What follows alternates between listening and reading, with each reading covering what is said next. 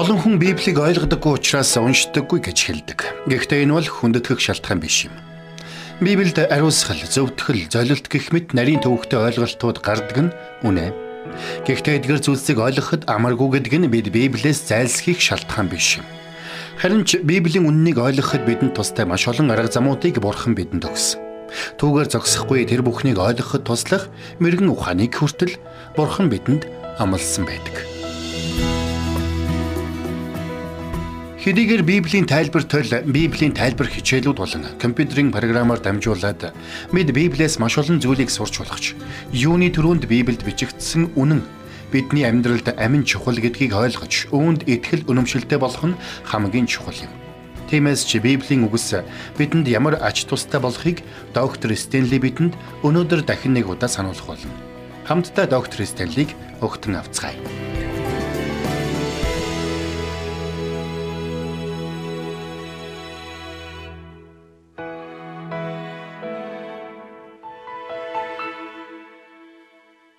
За тэгэхээр өнөөдөр бид захимдсан 90 үед амьдарч байна.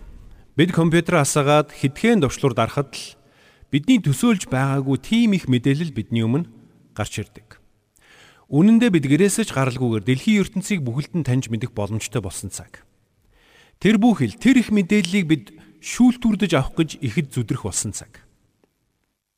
Гэхдээ хэдийгээр өнөөдөр олон янзын тоног төхөөрөмж, олон янзын програм бий болсон ч тэдгээрийг хэрхэн ажилуулж хэрхэн ашиглахаа мэдэхгүй бол тэдгээр нь ямар ч нэмэргүй юм. Тиймээс ч олон хүн маш үнэтэй тоног төхөөрөмж худалдан авсан атлаа ашгийг нь тэр бүр бүрэн дүүрэн гаргаж чадахгүй явсаар байдаг. Тэгвэл зөвхөн тоног төхөөрөмж гэлтгүү. Бурхны үгч мөн үүнтэй яг адилхан юм. Хэдийгээр маш олон хүн гэртээ Библи хадгалдаг боловч түүнийг хэрхэн хэрэглэхээ тэр бүр мэддэггүй. Тэд Библиэд яг юуны тухай өгүүлдэг болохыг ч мэддэггүй.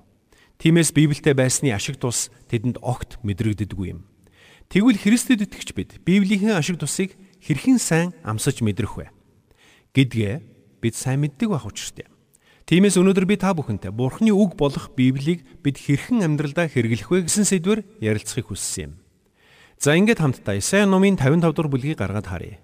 Энэхүү бүлэг дээр нэгэн гайхалтай ишлэл байгаа юм. Тэр ишлэлд бидэнд Бурхан өөрийн үгээр дамжуулан бидний амьдрал жухам юу хийхийг хүсдэг болохыг тодорхой өгүүлсэн байна. За ингээд Исая 55 дугаар бүлгийн 9-с 11 дугаар ишлэгийг харъя. Тэнгэрс газраас өндөр байдаг шиг зам минь та нарын замаас, бодол минь та нарын бодлоос өндөр үлээ. Бороо цас тэнгэрээс бууж ирээд газраас цухын ургуулж тариачинд үрийг идэгчдэд талхыг өгч газрыг усалтлаа буцдаггүйтэй адил. Амнаас минь гарсан миний үг над руу хоосон буцаж ирэхгүй. Харин юу хүснийг минь хэрэгжүүлж юунд илгээснийг нь гүйцэлдүүлдэг юм. За тэгэхээр иш үзүүлэгч Исая энд бидэнд нэгэн чухал зүйлийг сануулсан байна. Юу гэвэл Бурхны үг Бурхны амнаас гарахдаа заавал зоригтой гардаг байх нь. Мөн тэр зорилгыг нь гүйцэлдүүлэхгүйгээр хоосон буцаж ирдэггүй байх нь. Энэ нь яг л бороо цастай адилхан гэж Исая зүүрлэн хэлсэн байна. Учир нь бороо цас газарт буугаад газрыг заавал усалдаг. Улмаар урмал ногоо тариа буданд чигээг өгч ариун ургацыг бий болгодог. Тэгвэл Бурхны өгч бас үүнтэй яг адилхан гэдгийг Исая хэлсэн байна. Цаашилбал хур буруу газар дэлхийд ямар их хэрэгтэй байдаг шиг Бурхны өгч мөн бидний амьдралд үнэлж баршгүй ач тустай гэдгийг ч мөн бид эндээс ойлгох хэрэгтэй юм. Бид аливаа зүйлийг үнэлэхдээ тэр зүйлийнхээ ач тусыг заавал харьцуулж боддог юм. Хэрвээ бид тухайн зүйлийнхээ ач тусыг бүрэн дүүрэн ухамсарласан байх юм бол бид тэрхүү зүйлийг төдий чинээ эрхэмлэн нандинах болно. Жишээ нь Бид Библийн тухай ярихдаа Библи бол Бурхны алдаа мадаггүй үг гэж ярьдаг. Энэ үг бүхий л түүхийн туршид хүмүүсийн амьдралыг өөрчилсөөр ирсэн гэдгийг бид мэднэ. Гэхдээ бид өөрсдөө Библийг унших үед Библи бидний амьдралд яг ямар ач тус үзүүлдэг болохыг бид тэр бүр боддоггүй юм. Библи унших нь бидний амьдралд ямар ач тустай болохыг мэддэггүй учраас Библийг уншдаггүй, нандиндгүй хүмүүс олон байдаг гэж би хувьдаа боддог. Тиймээс өнөөдөр би та бүхэнтэй Библийг уншихын ач тусын талаар ярилцах болно. Мөн үргэлжлүүлээд бид Библийн ач тусыг амьдралдаа хэрхэн хүртэх арга замуудын талаар ярилцах болно. Ингээд хамтдаа дуул номын 119 дэх бүлгийг гаргаад харъя. Энэ бол дуулал номдох хамгийн урт бүлэг. Та энэ бүлгийг гаргасан бол түр хавчуурга хийгээд орхиорой. Харин одоо 1-р Петр номыг гаргаадах. Учир нь бид 1-р Петр номоос уншаад эргээд дууллын 119-ыг харах болно. Эдгээр ишлүүдээс би та бүхэнд Библийн ашиг тус юу болохыг хэлж өгөхийг хүсэж байна. Учир нь өнөөдөр маш олон хүн Библийн ашиг тусыг огт мэдэхгүй явсаар байдаг юм. Тиймээс тэд амьдралд нь хүнд хэцүү асуудал тулгарх үед тэр бүхнийг хэрхэн даван туулах арга замыг мэддэггүй. За ингээд хамтдаа хид хідэн ишлэл рүү очицгоё. Юуны өмнө 1-р Петрийн 1-р бүлгийн 23-ыг харъя. Петрийн хэсгээр инхүү өгүүлсэн байна. Учир нь та нар устдах үрээс бус, харин үл устдах үрээс буюу Бурхны амьд оршин буй үгээр дахин төрсөн билээ гэсэн байна. Энд Петр юу гэсэн бэ? Бид Библи уншихын нэгэн чухал ач тусыг Илч Петр бидэнд инхүү хэлж өгсөн байна. Юу гэвэл бид Бурхны үгээр дамжуулан өөрсдийгөө гим нүгэлтэй гэдгийг ойлгож бидэнд Есүс Христ хэрэгтэй гэдгийг ухаардаг. Мөн бид Есүс Христэд итгэснээр мөн хамиг өвлөгчд болно гэдгээ ойлгож ухаардаг юм. Өөрөөр хэлбэл Бурхны үгийг уншихын хамгийн ихний хамгийн чухал ач тус бол биднийг Бурхантай харилцах зөв харилцаа руу хөтлөх явдал юм. За ингээд цааш нь үргэлжлүүлээд хамтдаа дууллын 119 дугаар бүлгийг нээе. 119 дугаар бүлгийн 105 дугаар ишлэлийг гаргаад харъя. Энэ хэсэгт маш гайхамшигтай үгс бичигдсэн байна. Өөрөөр хэлбэл Библи бидний амьдралд ямар ач тустай болохыг олж харах болно энэ хэсгээс. Библи бидэнд өгдөг эхний ач тус нь биднийг аврал руу хөдөлтгөө гэдгийг бид түрүүхэнд үзсэн. Харин хоёр дахь ач тусыг нь энэ ишлээс харцгаая. Таны үг миний хөлдөх дэнлүү миний замдах гэрлээ гэж хэлсэн байна. Өөрөөр хэлбэл бид амьдралынхаа зүг чигийг Библиэс буюу Бурхны үгээс олж мэдэх боломжтой юм а гэсэн үг. Гэвч харамсалтай нь бодит амьдрал дээр бид ихэвчлэн найз нөхөд рүүгээ ханддаг. Мэдээж бидний найз нөхөд бидэнд сайн зөвлөгөө өгч чадна. Гэхдээ тэр зөвлөгөөг Бурхны үгтэй харьцуулахын аргагүй юм. Амьдралынхаа зүг чигийг олохын тулд бид Бурхны үг рүү хандах нь хамгийн мэрэгэн сонголт гэдгийг бид ойлгох хэрэгтэй. Тиймээс ч Бурхан бидэнд өөрийн үгээ өгсөн. Тэр үг яг л бидний замыг гэрэлтүүлэх дэнлүү мэт бидний явах ёстой замыг зааж өгдөг юм. Зарим хүмүүс Библийг нууцлаг ном гэж ярьдаг. Библиэд бичигдсэн зүйлсийг ойлгож ухаарахад хэцүү гэж ярьдаг. Гэвч үнэн хэрэгтэй тийм биш ээ.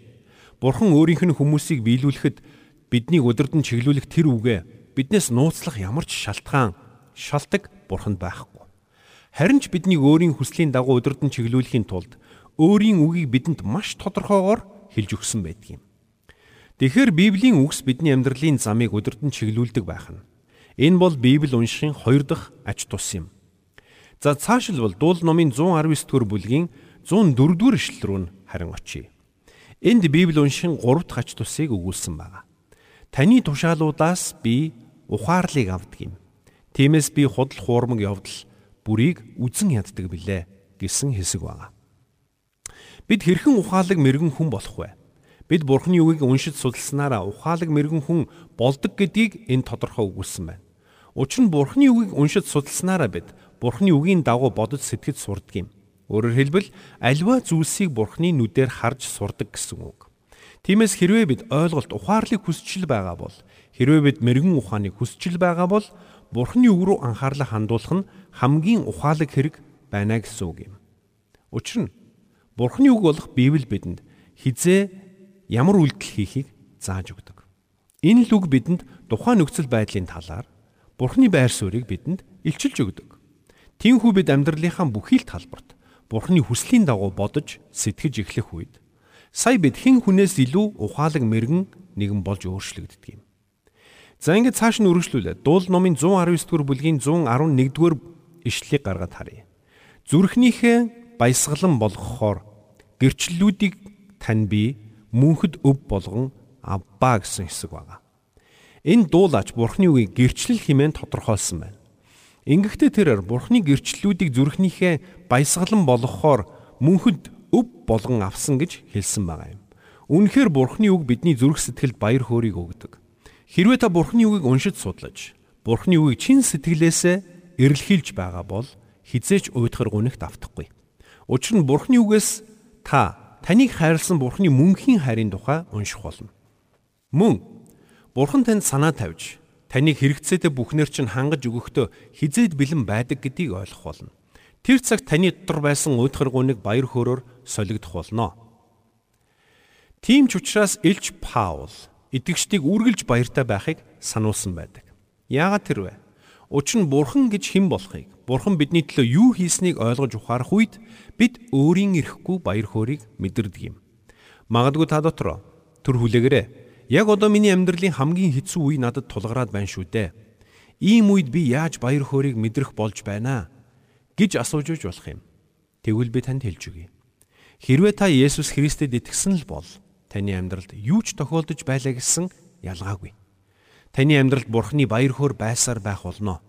Энэ баяр хөөр бол үгээр илэрхийлшгүй баяр хөөр юм. Энэ бол бидний оюун санаа, мэдрэмжээс үл шалтгааллах баяр хөөр юм. Учир нь энэ бол Бурхны бэлэг. Та Бурхны үгийг уншиж судлан Бурхныг илүү их таньж мэдэх тусам Бурхны танд өгсөн баяр хөөр, амар тайван таны амьдралын нөхцөл байдлаас үл шалтгаалan таны зүрхэнд оршсоор байдаг гэдгийг ойлгож ухаарах болно. Мэдээж энэ та гадна дандаа инээж явна гэсэн үг биш. Харин таны зүрх сэтгэлийн гүнд үгээр илэрхийлшгүй амар тайван баяр хөөр байсаар байх болно гэсэн үг юм. Учир нь бурхан таныг ямар ч үед хайрлаж, тантай ямагт хамт байдаг гэдгийг та зүрхнийхээ гүнд хөдлөшгүй бат мэдэж байх болно. Ингээд хамтдаа цааш нь харъя. Дууллын 119 дугаар бүлэг дээр 165 дугаар ишлэгийг гаргад харцгаая. Таны хуулийг хайрлагчд агуу амар амгалан байдаг бөгөөд тэднийг бүдрүүлэх зүйлч байдаггүй маа гэсэн байна. Бурхны үг болох Библийг уншихын өөр нэгэн ач тус бол амар амгалан байдал юм. Филиппо номын 4-р бүлэг дээр мөн Илч Паул үүнийг тунхаглан хэлснийг та санаж байгаа бах. Илч Паул тэнд Бурханаас ирдэг амар амгалан хүмүүс бидний ойлголтыг ч давсан гайхамшигтай амар амгалан байдаг гэдгийг гэрчилсэн байдаг юм. Тиймээс та бид амьдралын ямар ч салхи шуурхтай үеийг итгэл найдвараар дүүрэн туулах боломжтой юм. Учир нь Бурхны амар амгалан биднийг нүмерх үед хэдийгээр бидний нөхцөл байдал хүнд хэцүү хэвээр байсан ч бид юр бусын амар тайван байж чадна. Юр бусын сэтгэлийн тэнхээтэй юр бусын төсвөр хатуучилтай байж чаддаг. Яагаад тэрвэ? Яагаад гэвэл бүх ойлголтыг давсан Бурхны амар амгалан бидний дотор байгаа учраас тэр юм. Тиймээс ч дуулаач. Таны хуулийг хайрлагчд агуу амар амгалан байдаг бөгөөд тэднийг бүдрүүлэх зүйл нэгч байдаггүй хэмээн итгэлтэйгээр дуулсан байна. Өнөөдөр ч амьдралд нь хүнд хэцүү нөхцөл тулгарсан маш олон хүн аврал тусламж ирэн хайсаар байгаач харамсалтай тэд зөв газартаа очидоггүй. Гэтэл тэдний очих ёстой хамгийн чухал их сурвалж бол Бурхны үг болох Библи юм шүү дээ. Өнөөдөр бидний амьдралд юу ч тохиолдсон байлаа гэсэн. Тэр асуултын хариулт Библи хэмээх энэ гайхамшигтай номын хаа нэгтээ гарцаагүй бичигдсэн байдаг гэдэгт би бүрэн итгэлтэй байж болно. Бид бүгд л ажил дээрээ эсвэл хичээл сургууль дээрээ ар гэртээ янз бүрийн асуудалтай тулгардаг. Тэр үед бид яах ёстой вэ? Үл итгэж хүмүүс шиг уурлаж, бухимдаж, хэрүүл шуугаан дэгдэх үү? Эсвэл сэтгэлээр унаж, бурхан минь та хаана байна хэмээн хашгирах уу? Үгүй ээ. Харин бид бурхан руу хандах нь хамгийн зөв сонголт юм. Учир нь бурхан бидэнд хүмүүний оюун санааг давсан гайхамшигтай амар тайвнаа өгсөн. Үүнийг бурханы үг бидэнд ойлгуулж өгдөг юм. Бурханы үгийг нээж, бурхан минь Надад таны тусламж хэрэгтэй байна. Миний зүрх сэтгэлд үгээ айлдаач хэмээн залбирах үед Бурхан өөрийн үгээрээ дамжуулан бидэнд амар тайвнаа дүүргэж өгдөг юм. Тиймээс миний одоо хэлэх зүйлсийг та анхааралтай сонсоорой. Бидний Бурхан эцэг та биднийг нөхцөл болзолгүйгээр хайрладаг. Яг л эцэг эхчүүд бид үр хүүхдүүдэд хайрладаг шиг. Хэрвээ таны үр хүүхд чинь зовлон шаналд автаад танаас тусламж хүсэн ирвэл та яах вэ? Ааваа ээжээ надад туслаач гэд ирэх үед та тэднийг үл тооно гэж юу? Мэдээж үгүй. Та тэдэнд юу тохиолдсныг нь асуун шүү дээ. Тэдэнд яаж туслаж болох вэ гэдгийг асууна. Тэгээ тэдэнд чадах чинээгээрээ туслах болно. Тэгвэл бидний бурхан эцэгч бас бидэнд тийхүү ханддаг гэдгийг бид ойлгох хэрэгтэй. Бидний бурхан эцэг биднээс ямар ч сайн зүйлээ харамлахгүй. Үүнийг бид ойлгож ухаарах үедээ зовлон бэрхшээлийн дунд ч тэнгэрлэг амар тайвныг мэдэрч чаддаг юм. Бурхны үгийг нээж, Бурхныг эрен хайх үед Бурхан өөрийн үгээрээ дамжуулан бидний оволдсон давлгаалах зүрх сэтгэлийг тайвшруулж бүх ойлголтыг давсан гайхамшигтай амар тайвнаа бидэнд дүүргэн өгдөг юм. Хамтдаа Еврей номын 4-р бүлгийг гаргаад харъя. Бид энэ ишлэлийг өмнө олон удаа уншиж байсан. Гэсэн ч энэ удаа дахин нэг хамтдаа уншийе. Еврей номын 4-р бүлгийн 12 дугаар ишлэлийг харъя. Учир нь Бурхны үг амьд бөгөөд итвэхтэй. Хоёр талдаа эртээ ямар ч илдээс хурц бөгөөд Сэтгэл хийгээд сүнсийг, үе мөч хийгээд нуус чүмгийг салтал нэвтрэн ордог агаад зүрхний бодол хийгээд санаагч шүүх чадвартай ямаа хэмээн энд хэлсэн байна. Үндэ зарим үед бид өөрөө өөрийгөө ч ойлгохоо болчихдог. Өөрийгөө юу хүсэж байгаагаа, өөрийнхөө дотор яг юу болоод байгааг ч бид мэдхэ болчих үе ирдэг юм. Харин ийм үед Бурхны үг яг л толь мэт бидэнд үйлчилдэг.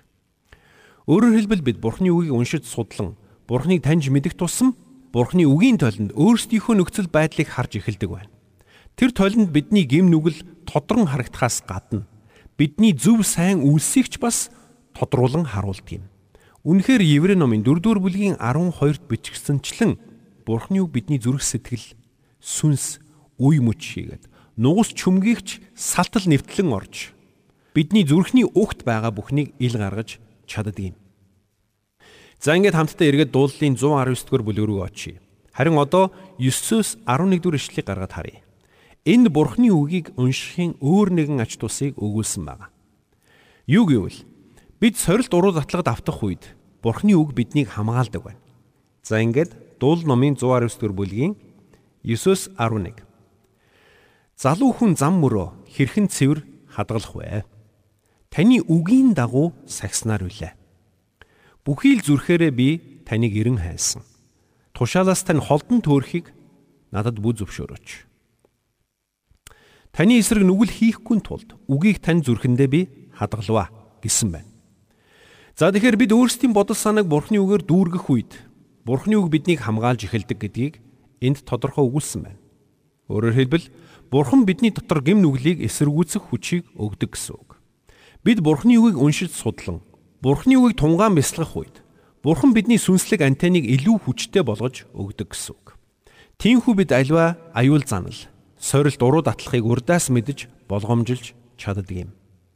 Тиймээс дуул номын 119 дугаар бүлгийн 11-д дуулаач хэлэхдээ Таны эсрэг нүгэл хийхгүй тулд үгийг тань зүрхэндээ би хадгалваа гэсэн байна. Үнэхээр бид Бурхны үгийг зүрхэндээ хадгалах үед Бурхны үг бидний мэс чанарыг илүү их хурцлж өгдөг. Энэ нэргээд бидний Бурхны мэлмид илүү цэвэр ариун байхад тусалдаг байна. Харин одоо дууллын 19 дугаар бүлгийг нээгээрэй. 119 биш шүү. 19 дугаар бүлэг.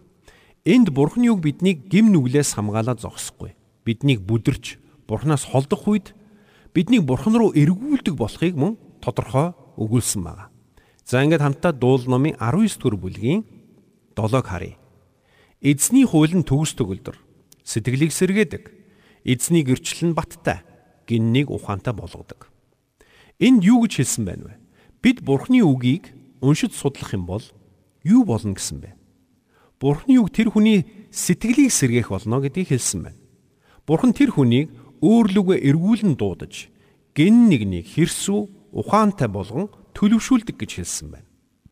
Эцэст нь Бурхны үг болох Библийг уншиж судлахын өөр нэгэн ашиг тусыг танд хэлж өгье. Ингээд хамтдаа 1-р Петр номын 2-р бүлэг рүү очие. Энд бид итгэлээр хэрхэн өсөхийг Илч Петр зааж өгсөн байна.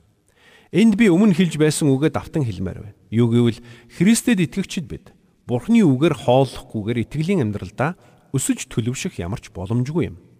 Үүнийг ч Илч Петрэнд батлан хэлсэн байна. За ингээд хамтдаа 2 дугаар Петрийн 2 дугаар бүлэг 1-ээс 2 дугаар ишлэл.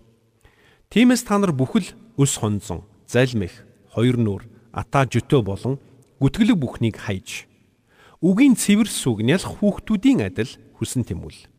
Ингэснээр та нар үгээр авралд хүртлээ өсөх юм а гэсэн баг. Энд Петр авралд хүртлээ өсөх юм а гэж хэлэхдээ авралыг авах тухай хэлээгүй гэдгийг бид ойлгох хэрэгтэй. Өөрөөр хэлбэл та нар Бурхны үгийг уншаад байвал өссөөр эцэст нь авралыг авах болно гэсэн санааг Петрэнд хэлээгүй гэсэн үг. Учир нь бид Есүс Христэд итгэх үед авралыг авдаг. Харин энэ авралыг авсан итгэлийн дотроо өсөх тухайд ярьж байгаа юм. Яг л бяцхан хүүхэд эхийнхээ сүг хөхөж байж өсөж том болдог шиг итгэгчд бид ч бас Бурхны үгийн сүгээр дамжуулан итгэлээр өсөж төлөвшдөг гэдгийг энд хэлсэн байна. Хүмүүний бие махбод төрхөн зуурын настай юм. Мэдээж бидний зарим нь бусдаасаа илүү урт наслж болно. Зарим нь магадгүй 100 наслж болно. Гэхдээ л цаг нь ирэхэд бид бүгд үхэлтэй нүүр тулах болно. Хэдий тэмч бид энэ амьдралынхаа туршид бие махбодод тижээж тэтгэдэг юм шүү дээ. Бид хоол тижээлээс гадна витамин болон нэмэлт тижээлүүдийг ашигладаг. Бид эрүүл байхын тулд дасгал хөдөлгөөн хийж эрүүл мэндэд анхаардаг. Тэгвэл бидний сүнс мөнх наслах болно. Гайхамшигтай биш гэж юу? Гэтэл бид сүнслэг хоолндоо хэр анхаардаг вэ? Тиймээс бид Бурхны үгийг уншиж судлан сүнсээ Бурхны үгээр хооллох нь амин чухал юм. Та одоо миний хэлэх үгийг тэмдэглээд аваарай. Үнэндээ Бурхны үгээр хооллохгүйгээр бурханлаг амьдралаар амьдрах ямар ч боломжгүй юм. Эзэн Есүс юу гэж айлдаж байсныг та санаж байна уу? Тэрээр Матай номын 4-р бүлгийн 4-дэр хүн зөвхөн талхаар бус харин бурхны амнаас гарах үг бүрээр амьдрнаа гэж бичигдсэн байдаг хэмээн айлтсан байдаг юм. Үнэхээр биднийг бурхны үгээр хооллосоо гэсэндэ бурхан бидэнд Библийг өгсөн юм. Үндэ энэ дэлхий дээрх ямар ч агуу ресторан Библи шиг гайхамшигтай сүнсний хоолыг өгч чадахгүй. Тиймээс Нера хүүхэд ихийнхээ сүрүү тэмүүлдэг шиг бид ч бас бурхны үг рүү тийхүү тэмүүлдэг байх учиртай юм. Тиймээс би танаас нэг зүйлийг асууя. Та хүүхдүүд Бурхны үгийг уншдаг хүмүүс болгож хүмүүжүүлэхийг хүсэж байна уу? Хэрвээ хүсэж байгаа бол бид хэрхэн хүүхдүүддээ Библи уншдаг хүмүүс болгож хүмүүжүүлэх вэ? Хариулт нь маш энгийн. Та өөрөө тэдний нүдэн дээр Библи уншиж бай. Эцэг эх нь Библи уншиж байгааг харж өссөн хүүхэд өсөж том болоод өөрөө Библийг унших болно. Мөн та хүүхдээ орой унтахаас өмнө орныхон дэргэд очиод Библиэс уншиж өгч байгаарай. Библийн түүхүүдээс эсвэл загтлуудаас гэд хаанаас нь ч хамаагүй та уншиж өгөөрэй. Үүгээрээ та хүүхдүүдтэй хамгийн агуу бэлгийг өгч байна гэсэн үг юм. Та заавал урт удаан унших шаардлагагүй. Багхныг уншиж өгсөн ч болно. Энэ бол таны хүүхдүүддээ өгч чадах хамгийн шилдэг сүнслэг хоол байх болно. Энэ төрлийн сүнслэг хоол хизээч гидс дүүргэж өвдгөхгүй. Бурхны үг биднийг ятгаж, зэмлэх үед зарим тохиолдолд энэ бидэнд таагүй мэдрэмж төрүүлж болохч энэ эцсийн дүндээ бидний сайнны төлөө юм. Тиймээс эцсийн дүндээ Бурхны үг биднийг ямагт тайвшруулан тайтгаруулж, тэнхрүүлэн босгож байдаг гэдгийг бид ойлгох хэрэгтэй. Энэ бол Бурхны үгийн ашиг тус. Тиймээс энэ цагийн төгсгөлд дахиад онцгойлон сануулмаар байна. Та Бурхны үгийг уншиж судлан Бурхны үгээр хооллохгүйгээр итгэлийн амьдралдаа хизээж амжилттай алхаж чадахгүй. Учир нь энэ л үгээр хооллосоо гэсэндэ Бурхан бидэнд Библийг өгсөн юм. Бид энэ үгээр хоололж, энэ үгээр амьдрах учиртай. Бидний амьдралд ямар ч таагүй нөхцөл байдал, ямар ч таагүй харилцаа үүсэж болохч тэр бүх асуудлыг даван гарах шийдэл хизээд Библийн хуудаснаас олддгийм. Тиймээс та Бурхны үгтэй ойр байж, Бурхны үгийг уншиж судлах юм бол тэр таныг мэрэгэн нэгэн болгох болно. Энэ үгээр дамжуулан та мэрэгэн ухаан, ухаарл, ойлголт дотор өсөх болно. Гэдэгт би бүрэн итгэлтэй байна. Аамен. Өнөөдөр таны амьдралд шийдэхэд хэцүү асуудал тулгарч байна уу? Та ямар сонголт хийхээ мэдэхгүй байгаа юм биш үү? Хэрвээ тийм бол Бурхны үг рүү хандаж, Бурхны үгээс мэрэгэн өдөрдмжийг эрэлхийлхийг доктор Чарлз Стенли сануулж байна.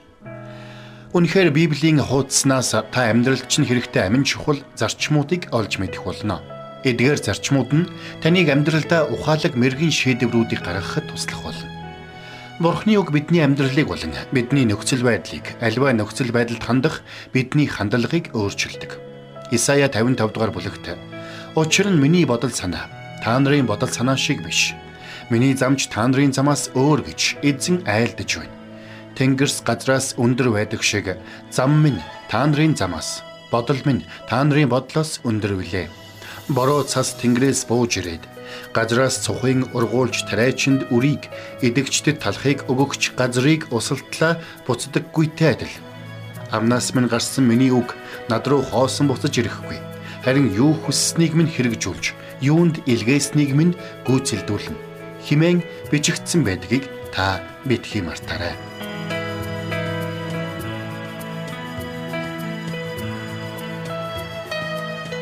Бурханд тэмүүлсэн сэтгэл хүмүүсийг энэрх зөрхөөр амьдрахад туслах номлогч доктор Чарлз Стенлигийн хамттай нэвтрүүлэг сонсогч танд хүрэлээ. Нэвтрүүлгийг дахин сонсохыг хүсвэл ихтгэл радиоцик.com-оор зочлоорой. Бидэнтэй холбогдохыг хүсвэл 8085 99 тэгтэг дугаард хандаарай.